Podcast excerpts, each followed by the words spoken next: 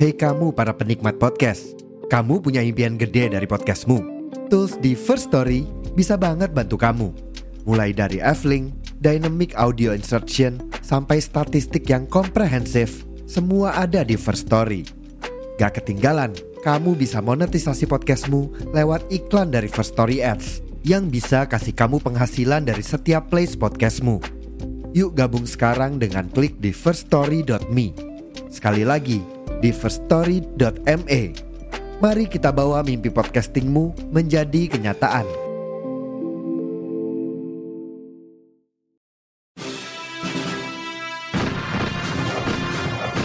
Saya berbicara di sini sebagai penyambung lidah rakyat Indonesia.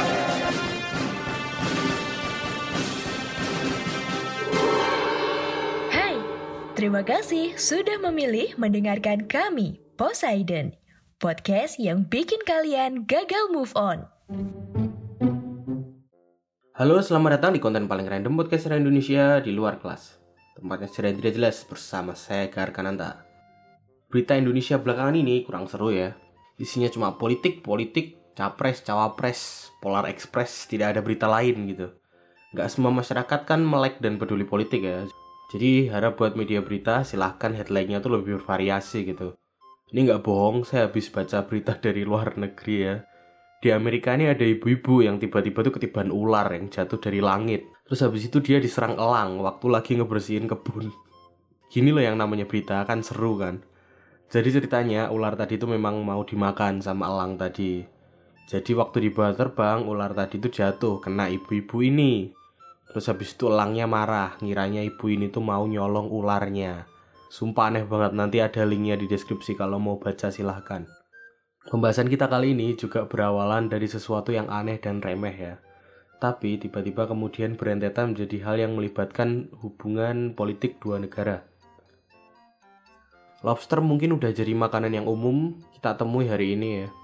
Walaupun harganya tergolong mahal, produk laut yang satu ini tetap jadi kesukaan buat banyak orang. Saya pribadi sih no ya. Karena bukannya menikmati, saya malah menderita kalau mau mencoba makan ini ya karena alergi. Dan saya nggak habis pikir gitu sama jenis-jenis masakan yang muncul dari lobster ini gitu. Ada bakso lobster, ada pentol lobster, ada cilok lobster, mungkin besok ada yang masak dadar gulung lobster gitu. Atau bolu lobster, eh, cincau lobster, dan berbagai olahan yang tidak jelas lainnya gitu. Dan mungkin nggak sedikit juga dari kalian yang tahu kalau jenis seafood yang satu ini dulunya cuma dikenal sebagai makanan tahanan atau makanan orang miskin ya. Jadi dulunya karena jumlahnya ini yang melimpah banget, orang-orang di wilayah pesisir ini tuh udah males gitu makan lobster ini. Harganya kemudian mulai naik ketika teknologi transportasi dan penyimpanan makanan ini tuh makin bagus ya. Dan orang-orang yang hidup jauh dari wilayah laut ini tuh kemudian mulai bisa menikmati produk-produk seafood dengan baik. Harganya kemudian tambah naik lagi. Waktu di zaman perang karena lobster ini tuh merupakan salah satu jenis makanan yang nggak dibatasin penjualannya ya. Nggak kayak ayam sama daging yang memang kala itu difokuskan buat persediaan suplai tentara ya di medan perang. Jadi orang-orang yang sisa yang di negaranya yang nggak ikut perang mau nggak mau harus nyari solusi buat uh, bikin masakan dari bahan makanan lain gitu salah satunya kemudian lobster ini yang kemudian uh, terkenal banget di kalangan orang-orang kaya ya dan sejak itulah harga lobster ini tuh jadi mahal. Gak heran juga industri perdagangan lobster ini tuh kemudian uh, jadi berkembang banget ya. Khususnya buat negara-negara yang punya wilayah laut yang cukup luas. Karena mereka juga berpotensi ya untuk mengembangkan sektor perdagangan hewan satu ini. Indonesia kan juga gitu ya, sampai pernah ada kasus korupsi benih lobster kan oleh salah satu mantan menteri kelautan dan perikanan kita negara-negara ini termasuk dulunya adalah Prancis ya yang dulu merupakan salah satu penguasa wilayah laut terluas di dunia ya. garis bawahi dulunya karena ya mereka dulu memang punya banyak sekali wilayah koloni ya di hampir setiap benua bayangin betapa anjloknya kemudian sektor ekonomi khususnya sektor industri perikanannya mereka ya ketika di awal tahun 1960-an hampir semua wilayah koloninya itu udah merdeka gitu jadi negara sendiri-sendiri ya Yang artinya kemudian Perancis ini tuh udah nggak punya akses lagi ke wilayah-wilayah laut yang dulunya ini jadi andalan mereka ya. Ketika udah nggak dapat akses buat nyari lobster di bekas wilayah Perancis yang ada di Afrika, beberapa nelayan itu kemudian memutar otak untuk cari spot mancing lain yang ada di Samudra Atlantik gitu. Setelah nyari-nyari dan nyari, mereka ini akhirnya nemu. Tapi nemunya tuh di sisi lainnya Samudra Atlantik ya, sekitar 100 mil dari wilayah pesisirnya Brazil.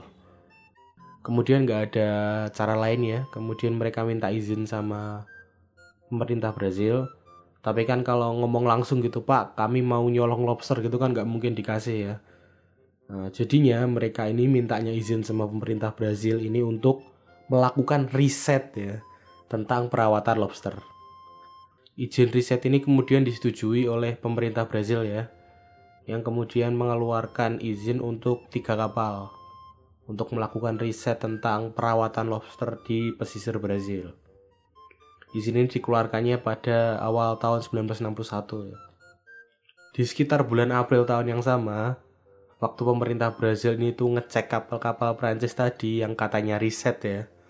Mereka ini kaget ya, karena hasil temuan yang ada di sana. Kira-kira percakapannya kayak gini lah. Halo maaf, ini, ini dari pemerintah Brazil. Ini kapal yang izin riset lobster kemarin ya. Eh, iya pak, eh, riset kami riset. Nah, terus ini apa ini? Eh, itu itu sampel pak. Oh, sampelnya sampai 50 ton gini ya per kapal ya. Memang banyak gini ya. Eh, anu pak, kami risetnya memang serius pak. Ini risetnya ala Prancis, jadi memang eh, Ya intinya mereka diusir ya. Mereka disuruh pulang balik ke negaranya ya karena eh, jelas-jelas ketahuan mencuri lobster. Oh ya dan kapal yang ketahuan ini ternyata ada empat ya padahal izinnya cuma buat tiga. Jadi dari awal ini memang sudah sangat mencurigakan mereka. Tapi ternyata nggak berhenti di situ ya, mereka tidak menyerah. Di bulan November, kapal-kapal eh, nelayan Prancis ini tuh balik lagi. Kali ini mereka itu ngambilnya lobster di area continental shelf atau di area landas benua ya. Aturan tentang batas laut negara di tahun itu memang masih rancu banget. Konferensi kelautan yang ngatur kayak batas 12 mil, terus zona ZEE ya 200 mil, ini tuh belum ada. Masih sekitar 20 tahun lagi lah baru muncul aturan itu. Jadinya pemerintah Brazil ini tuh juga bingung mau ngapain. Karena secara teknis aturan yang lumrah saat itu ya, nelayan-nelayan Prancis ini tuh nggak ngelanggar sebenarnya wilayah laut Brazil. Tapi ya kemudian di tahun 1962 pemerintah Brazil ini akhirnya udah mulai berani tegas ya. Karena ya nelayan-nelayan lokal Brazil ini pada protes sama pemerintah ya karena jelas mereka kalah kalau dibandingin sama kapal-kapalnya Prancis ya yang lebih gede dan juga lebih modern tentu saja. Kemudian ditahanlah kapal-kapal nelayan ini, kapal-kapalnya Prancis ya, sama pemerintah Brazil. Pemerintahnya Perancis nggak terima warganya diperlakukan seperti ini tuh nggak terima mereka. Akhirnya ributlah mereka di forum internasional. Brazil ini tuh pakai dasar kalau lobster ini tuh adalah bagian dari continental shelf ya atau landas benua yang seharusnya cuma bisa dieksploitasi sama negara mereka. Karena ini tuh hitungannya adalah perpanjangan wilayah negaranya mereka gitu. Soalnya kan lobster hidupnya memang di dasar laut ya, nempel gitu di tanah ya. Dan mancingnya ini tuh harus pakai jala yang kemudian disebar buat nutupin seluruh dasar laut terus ditarik. Jadi yang keambil kan bukan cuma lobster gitu, cara mancingnya lobster dulu memang gini ya. Sementara Prancis ini tuh menolak karena menurut mereka lobster ini tuh termasuknya ikan yang seharusnya tetap bisa diambil oleh siapa pun. Kalau udah ada di luar wilayah eh, batas lautnya Brazil ya. Jadi menurutnya Perancis ini, walaupun lobster ini tuh hidupnya di dasar laut, kalau mereka lagi melompat terus berenang, mereka harusnya dihitung ikan dan boleh diambil sama siapa pun. Paulo Moreira da Silva, salah satu petinggi angkatan lautnya Brazil, ini tuh punya jawaban counter yang sangat bagus itu untuk menolak argumennya Prancis. Jawabannya gini, Kalau pakai argumen kalian yang menganggap lobster ini tuh golongan ikan karena melompat, berarti kanguru juga termasuk burung. Ya akhirnya masalah ini juga tidak selesai ya setelah didiskusikan sama dua negara ini. Dan fakta di lapangannya adalah kapal-kapal Prancis ini tuh masih ngeyel ya buat ngambil lobster di pesisirnya Brazil.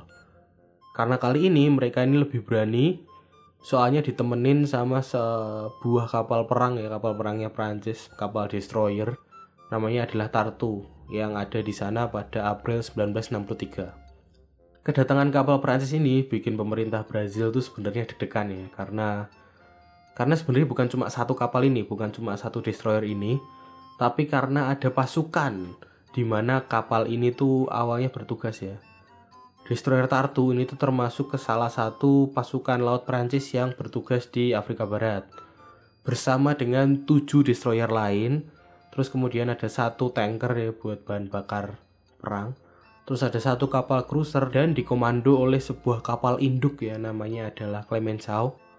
Sebuah kapal yang masih gres, masih sangat baru. Baru selesai pembangunannya itu tiga tahun sebelumnya lah tahun 1960 ya.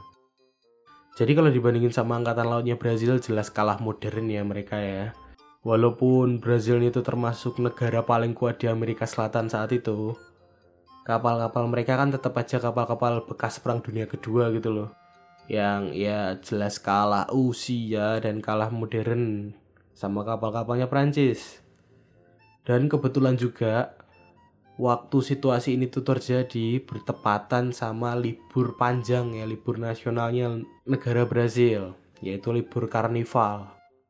Ya kalian tahu sendiri lah ya karnivalnya Brazil ya. Rame banget kan itu satu negara ya banyak turis asing datang warga-warga lokal juga pada ngerayain. Akhirnya jadi tentara ini tuh banyak juga yang ngambil libur panjang waktu saat ini. Tapi karena udah kepepet ya karena hitungannya itu udah ditantangin musuhnya gitu ya. Musuhnya tuh udah datang sampai depan pagar gitu. Jadi mau nggak mau tuh Brazil kan harus ngerain angkatan laut dan angkatan udara mereka gitu. Akhirnya mereka ya dengan terpaksa mengumpulkan tentara-tentara tadi ya. Mau nggak mau suruh masuk suruh perang. Tapi waktu didatengin sama kapal-kapal perang Brazil ya waktu kapal-kapal Brazil ini udah dikerahkan untuk menghadapi Tartu tadi ternyata destroyer Prancis ini tuh udah digantiin posisinya sama kapal perang lainnya. Yang namanya adalah kapal Polgovny. Kapal tua bekas perang dunia kedua ya. Alhasil kapal-kapal nelayan Prancis ini tuh akhirnya pada mau pergi ya. Karena pengawalnya ya kapal Polgovni tadi jelas kalah seram. Dan juga yang paling penting adalah kalah jumlah ya. Sama kapal perangnya Brazil yang udah mengepung mereka. Permasalahan ini secara resmi itu selesai 10 Desember 1964 dengan penandatanganan perjanjian damai oleh kedua negara yang berisi satu penghentian mobilisasi angkatan perang untuk kedua negara. Yang kedua adalah pengakuan wilayah kelautan Brazil sampai batas 200 mil dari pesisir atau yang sekarang ini tuh sangat lumrah ya kita temui dengan nama ZEE e atau zona ekonomi eksklusif. Dan ketiga adalah izin penangkapan lobster selama lima tahun kepada nelayan-nelayan Prancis dengan hasil yang kemudian dibagi dengan nelayan Brazil. Oke, jadi endingnya tuh damai ya dan gak sampai perang beneran ini. Buat konteks aja, senjata anti aircraft ya atau anti pesawat yang biasanya ada di kapal perang yang suaranya begini nih ya itu pelurunya tuh segede botol parfum. Dan kalau nembak terus selama 10 menit nggak berhenti, ini tuh sebenarnya udah sama. Biayanya kayak hasil tangkapan lobster di wilayah ini tuh setahun. Jadi sebenarnya rugi kalau dua negara ini tuh mau mencoba perang gara-gara lobster tuh rugi. Dua-duanya rugi banget. Jadi gimana menurut kalian? Apakah worth it perang karena lobster seperti ini, silahkan tuliskan pendapat kalian di kolom komentar ya atau di kolom Q&A di bawah sesuai dengan platform tempat kalian mendengarkan. Terima kasih yang udah dengerin sampai habis. Kalau punya kritik, saran atau mau usul ide bahasan, bisa dikirim ke Instagram Poseidon ya di @podcast atau ke Instagram pribadi saya di @rotikecap. Jika ada kesalahan, saya mohon maaf sebesar-besarnya. Saya Eka Arkananta pamit. Sampai bertemu di konten Poseidon lainnya. Bye-bye.